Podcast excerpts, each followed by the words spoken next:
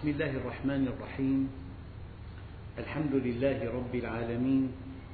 والصلاة والسلام على سيدنا محمد الصادق الوعد الأمين.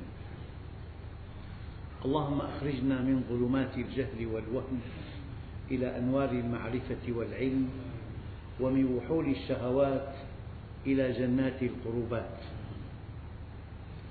أيها الإخوة الكرام مع الدرس الرابع عشر من دروس سورة الأنفال ومع الآية الواحدة والأربعين وهي قوله تعالى واعلموا أنما غنمتم من شيء فأن لله خمسه وللرسول ولذي القربى واليتامى والمساكين وابن السبيل. إن كنتم آمنتم بالله وما أنزلنا على عبدنا يوم الفرقان يوم التقى الجمعان والله على كل شيء قدير. أيها الإخوة ذكر الله الغنيمة بعد أن ذكر النصر. من نتائج أي نصر؟ الغنائم. والغنائم ما يأخذه المؤمنون من منقولات من عدوهم عقب المعركة. أيها الإخوة لم تكن الغنائم لتكون محللة لأي نبي قبل رسول الله صلى الله عليه وسلم. أحلت لي الغنائم. والغنيمة ما يؤخذ من العدو عقب الحرب. لكن العلماء كأنهم صنفوا الآخر أصنافا ثلاثة. في إنسان آخر مسلم له ما لك وعليه ما عليك. في إنسان مستأمن يعني دولة غير مسلمة لكن بيننا وبينها معاهدات. في تمثيل دبلوماسي في سفراء. هذه دولة مستأمنة. وكل إنسان يأخذ من هذه البلاد الأجنبية بضاعة ولا يؤدي ثمنها فهو سارق. ما أتكلم من فراغ أتكلم من اجتهاد بعض الجهلاء من أن هؤلاء ليسوا مسلمين. مالهم حلال لنا. ألا تذكرون أن النبي عليه الصلاة والسلام معه ودائع المشركين؟ فلما هاجر أبقى ابن عمه عليا رضي الله عنه وقد عرضه للقتل من أجل أن يؤدي الأمانات إلى أهلها. إن الله يأمركم أن تؤدوا الأمانات إلى أهلها. كل إنسان بفكر أن يأخذ مالا من غير مسلم.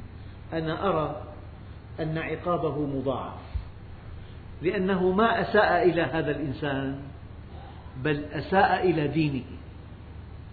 فرق كبير بين أن تسيء إلى مسلم فيقول فلان أساء إلي وبين أن تسيء إلى غير مسلم فيقول المسلمون ليسوا على حق. بين أن تسيء إلى إنسان وبين أن تسيء إلى دينك.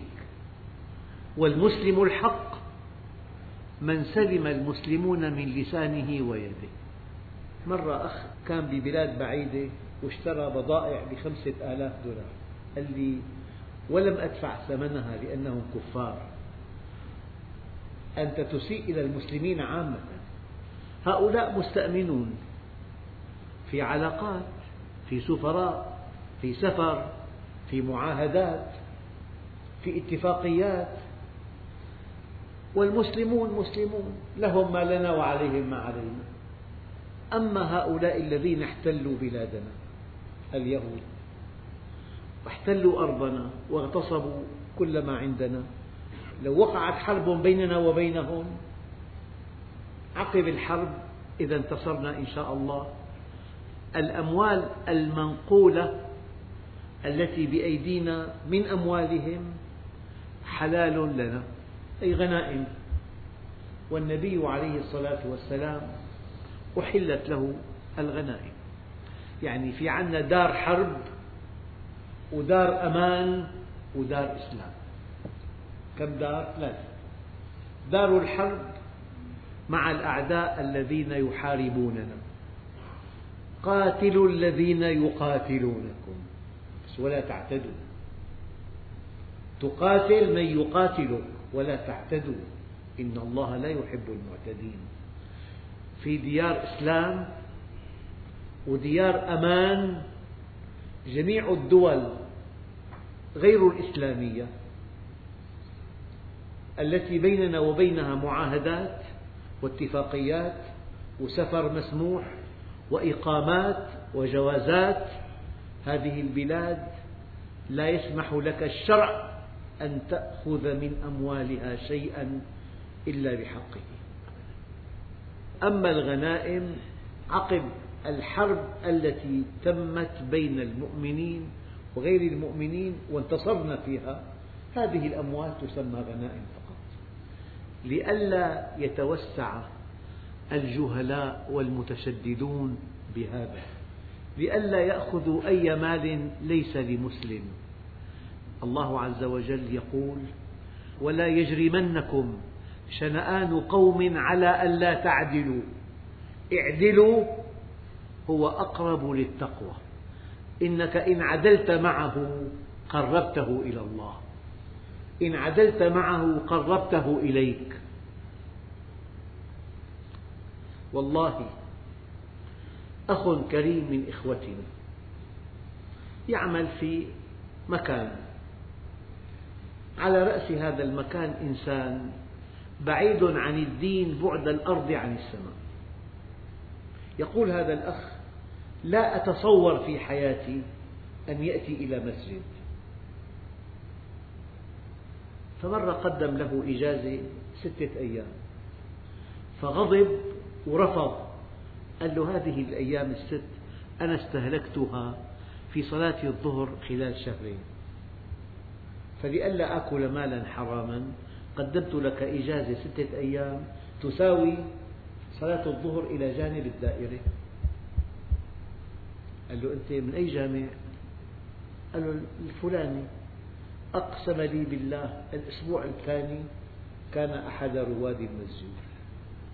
هذا الإسلام إلى هذه الدرجة بالدقة. تحاسب نفسك عن ربع ساعة. جمعتهم ست أيام قدمت إجازة فيهم. عبد الله بن رواحة ذهب إلى يهود خيبر ليقيم تمرهم بحسب اتفاقية سابقة. أغروه بحلي نسائهم. فقال جئتكم من عند أحب الخلق إلي. ولأنتم أبغض إلي من القردة والخنازير. ومع ذلك لن أحيف عليكم. فقالت اليهود بهذا قامت السماوات والأرض وبهذا غلبتمونا وبهذا غلبتمونا. تقول لي مال غير مسلم؟ مال غير المسلم حرمته أشد. لماذا؟ لأنه إذا أسأت إليه يتهم الإسلام كله. ربنا لا تجعلنا فتنة للذين كفروا. الغنائم فقط الأموال التي تنقل عقب حرب المسلمين مع أعدائهم فقط. أما بلاد غير إسلامية لا تدفع الثمن تحتال عليهم. هذه أشياء لا يمكن أن تكون مقبولة إطلاقا. أقول لكم هذه الكلمات. والله الذي لا إله إلا هو. لو أن المسلمين المقيمين في بلاد الغرب أقاموا الإسلام تماما طبقوا منهج الله لكان موقف الغرب من المسلمين غير هذا الموقف. ولو فهم الصحابة الإسلام كما نفهمه نحن والله ما خرج من مكة. الإسلام الإسلام مبادئ إسلام قيم. يعني صحابي أثناء الهجرة ألقى عليه الكفار القبض قال أطلقوني عهدا لله إن أطلقتموني لن أحاربكم. فأطلقوه. حدث النبي عليه الصلاة والسلام وفرح به أشد الفرح. بعد سنتين هناك غزوة وجهاد فانضم إليها. رآه النبي قال له ارجع ارجع. ألم تعاهدهم؟ دين هذا.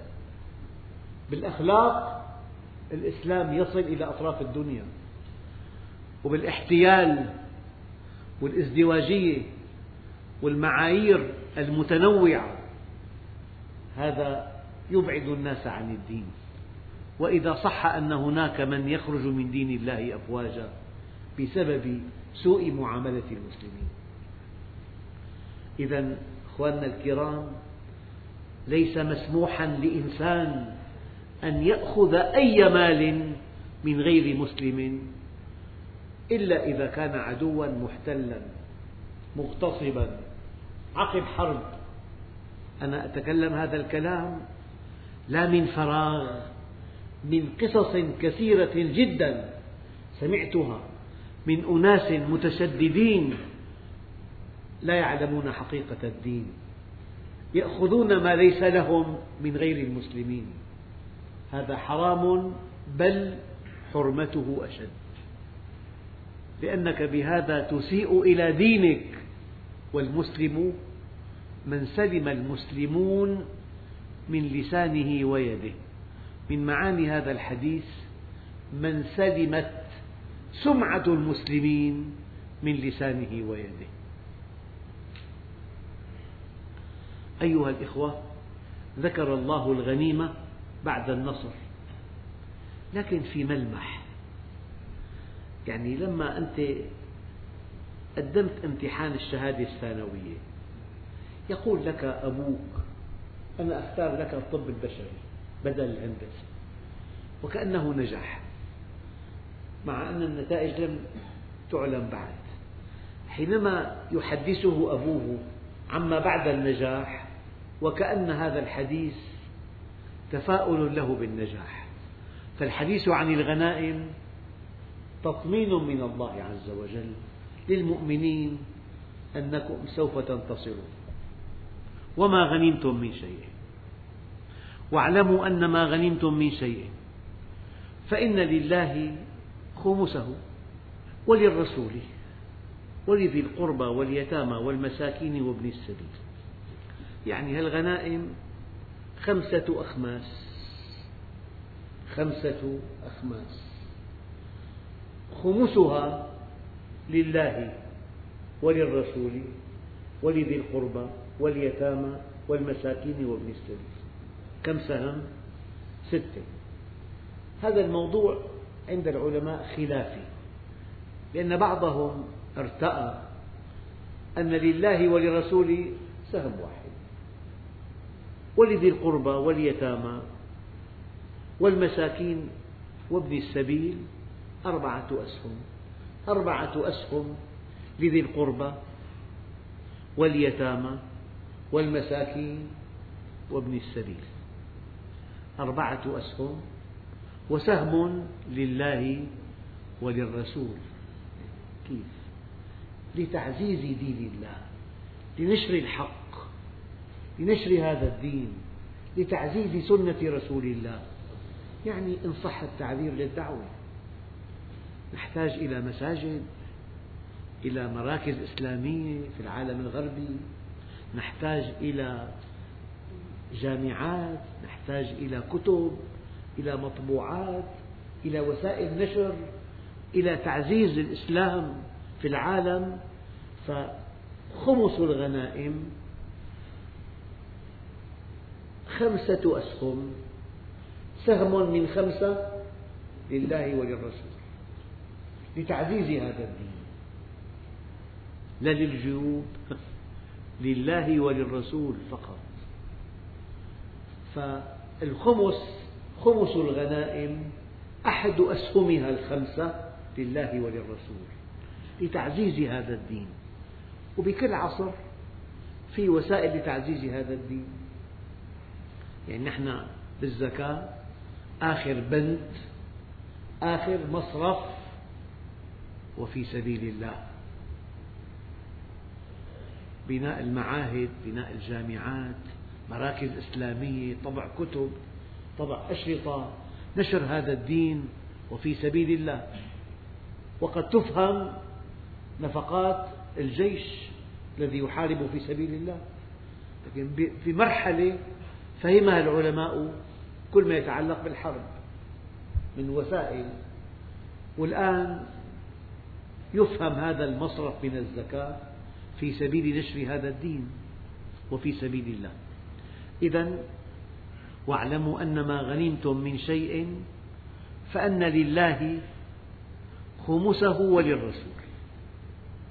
لتعزيز هذا الدين لتعزيز الكتاب والسنة لنشر هذا الكتاب ونشر هذه السنة لإنشاء مراكز في العالم لتنوير الآخرين بهذا الدين العظيم. ولذي القربى واليتامى والمساكين وابن السبيل. قال إن كنتم آمنتم بالله يعني من الذي لا يرضى بهذا التقسيم؟ من كان إيمانه ضعيفا. الذي وهب لك النصر هو الذي قرر أن توزع الغنائم بهذه الطريقة.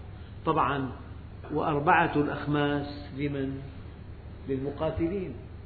الغنائم خمسها لله وللرسول سهم ولذي القربى سهم ثاني واليتامى سهم ثالث والمساكين سهم رابع وابن السبيل سهم خامس. الخمس أسهم تحت بند الخمس. والأربعة أخماس بحسب القرآن الكريم لمن؟ للمقاتلين. الذين ضحوا بالغالي والرخيص والنفس والنفس إن كنتم آمنتم بالله. يعني إذا آمنت بالله تستسلم لتوزيع الإرث.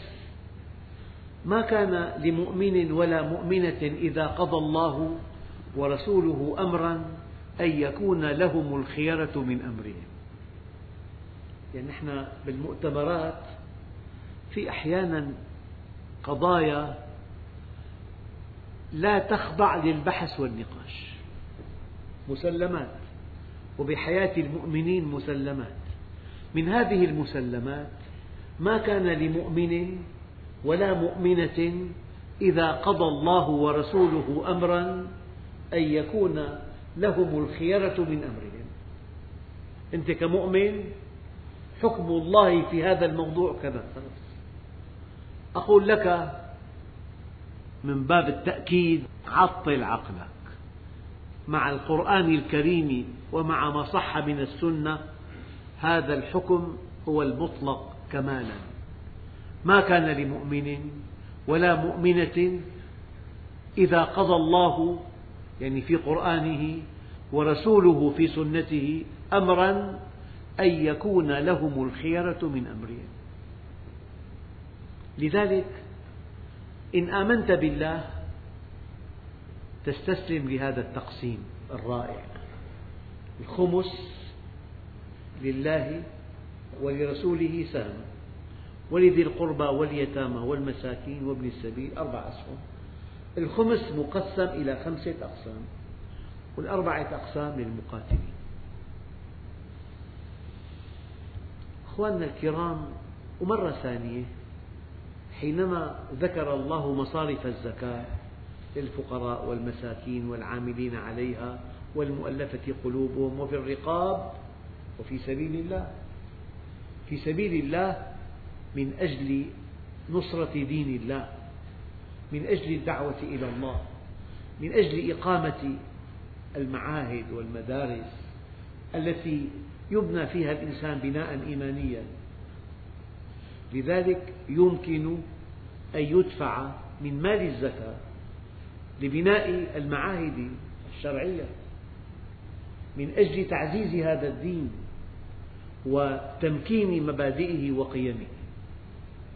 أيها الإخوة يعني للتقريب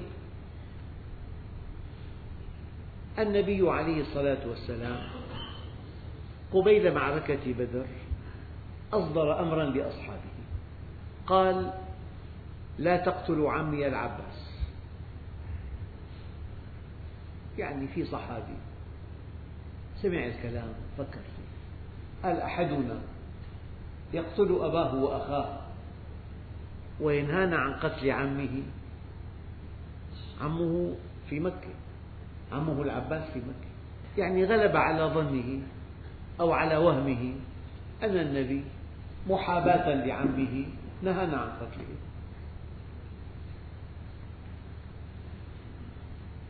ثم تبين أن العباس عم رسول الله كان في مكة مسلما وكان عين النبي على أهل مكة.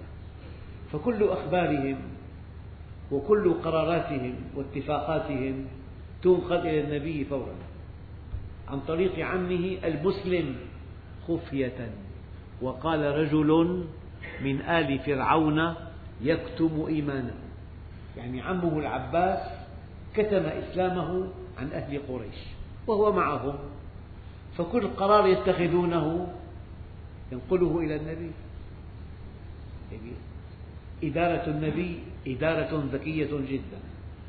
فالنبي قال لا تقتلوا عمي العباس الآن حللوا لو لم يقل لا تقتلوا عمي العباس والعباس مسلم وأصحابه لا يعلمون ذلك لقتلوه أثناء المعركة. لو لم يقل لو قال عمي العباس مسلم لا تقتلوه انكشف أمره وانتهت مهمته. لو العباس ما اشترك بالمعركة لانكشف أيضا. إذا ما اشترك بينكشف. وإذا النبي ذكر أنه أسلم بينكشف. وإذا النبي سكت يقتل. فالنبي الكريم مضطر أن يقول فقط لا تقتلوا عمي العباس.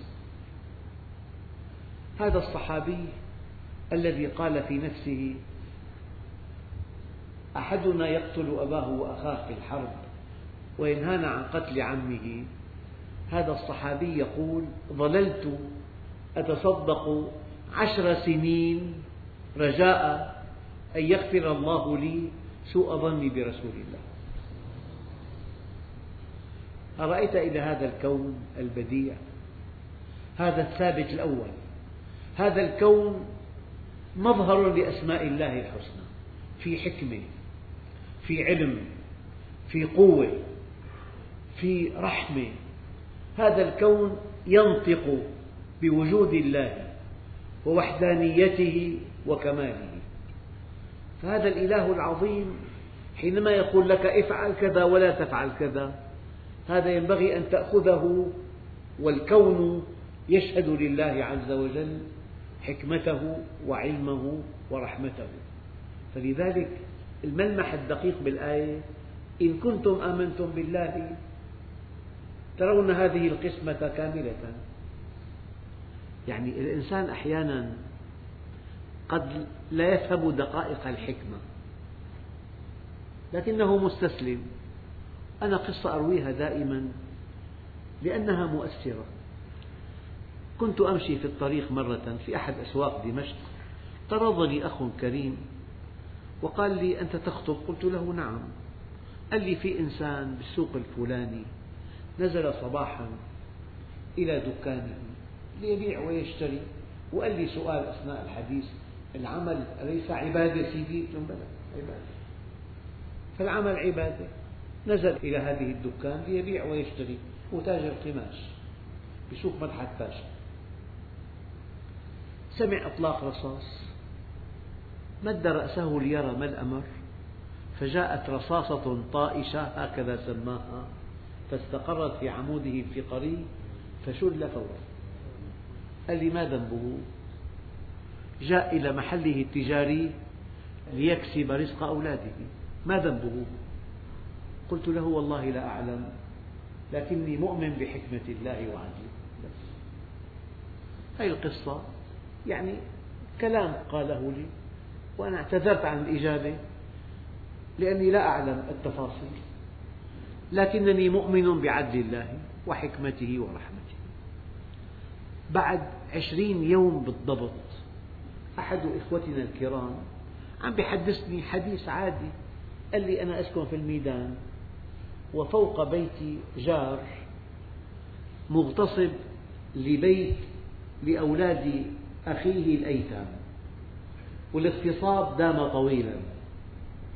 فما تركوا طريقة لطلب هذا البيت لكنه يرفض. وكلوا أحد علماء دمشق. هذا العالم التقى معه فرفض بقسوة أن يرد هذا البيت إلى أولاد إخوته الأيتام. فلما رفض بعنف قال لهم بالضبط. قال لهم هذا عمكم يا أبني. لا تشكوه إلى القضاء. هذا لا يليق بكم. اشكوه إلى الله.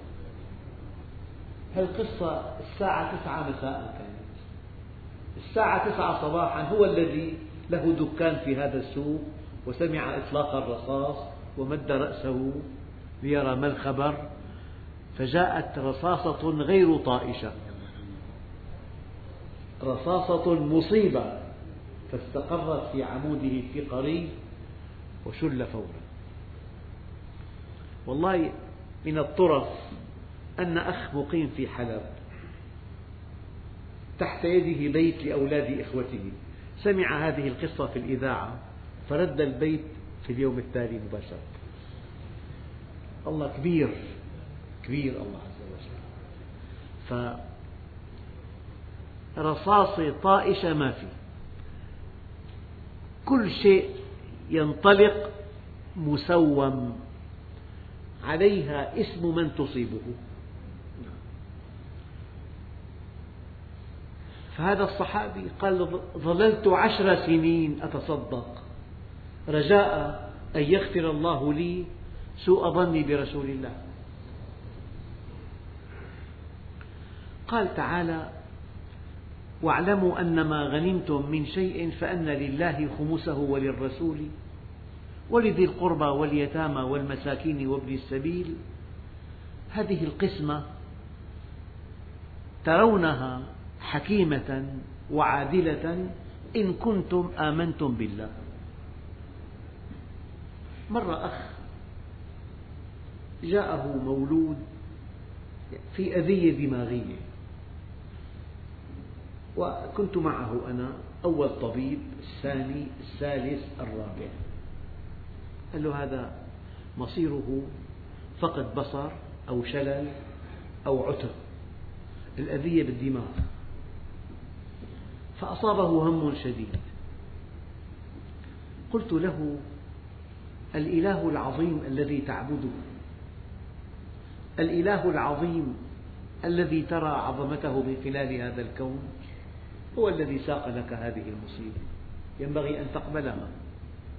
فأنت أحيانا ما معك تفاصيل بس معك كليات. هذا من فعل خالق السماوات والأرض لحكمة بالغة. لذلك وعسى أن تكرهوا شيئا وهو خير لكم. وعسى أن تحبوا شيئا وهو شر لكم. والله يعلم وأنتم لا تعلمون. ربما منعك فأعطاك. ربما منعك فأعطاك. وربما أعطاك فمنعك. وإذا كشف لك الحكمة في المنع عاد المنع عين العطاء. أعطاك فمنعك أو منعك فأعطاك. وإذا كشف لك الحكمة في المنع عاد المنع عين العطاء. أخواننا الكرام كلام دقيق جدا. كل واحد منكم وأنا معكم يعني معنا آلاف القصص. كل هذه القصص من آخر فصل. ما لها معنى؟ وبنصحك لا ترويها القصة التي تلوتها عليكم قبل قليل. هذه من البدايات. لماذا جاءت رصاصة طائشة على حد زعمهم؟ فاستقرت في عموده الفقري فأصيب بالشلل أنه من عشر سنوات مغتصب بيت لأولاد أخيه الأيتام ولم يرعوي.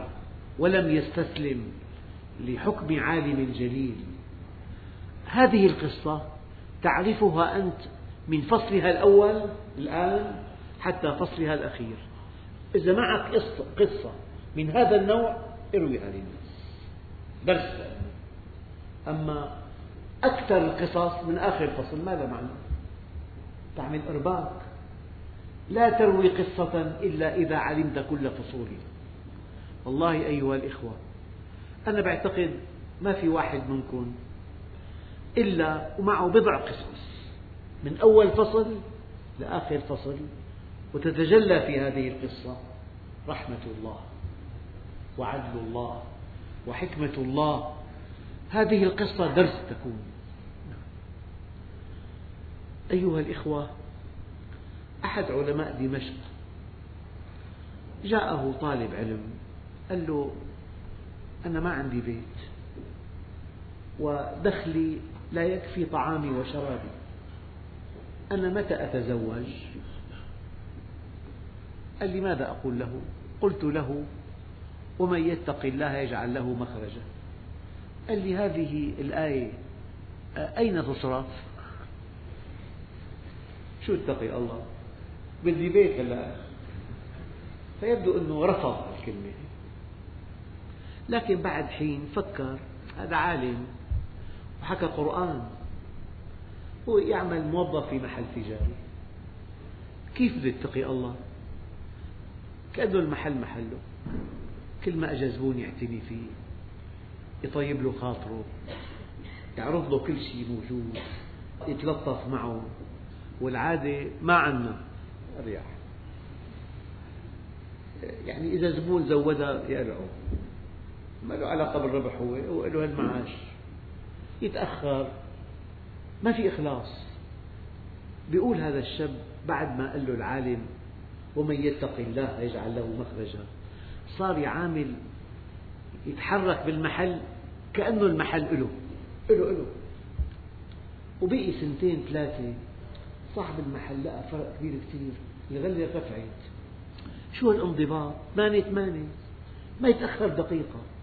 ويعمل بنشاط منقطع النظير. فهذا صاحب المحل أعجبه جدا. قال له الله يرضى عليك أنا بدي أشتري بيت بس أنا بحب ذوقك. تو معي؟ قال له والله ما في مانع فرجاه بيت قال له هذا صغير. بلى. فرجاه بيت قال له هذا شمالي. بلى.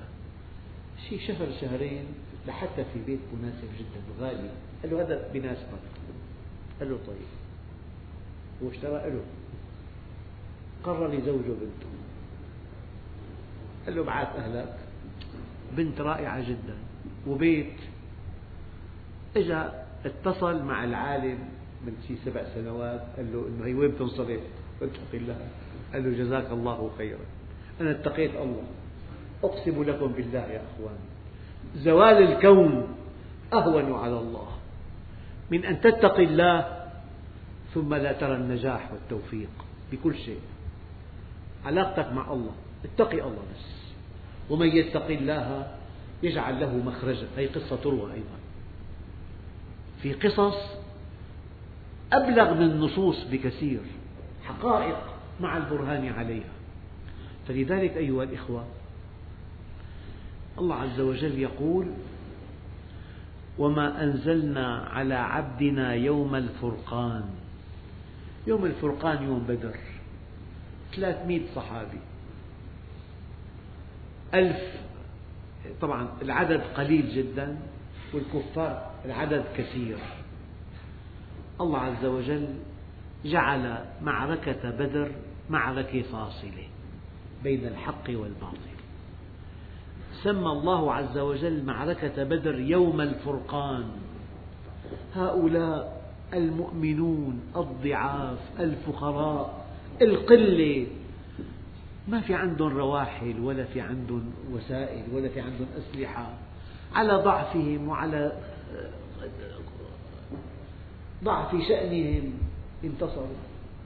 فلذلك أيها الإخوة الله عز وجل سمى معركة بدر يوم الفرقان يوم التقى الجمعان.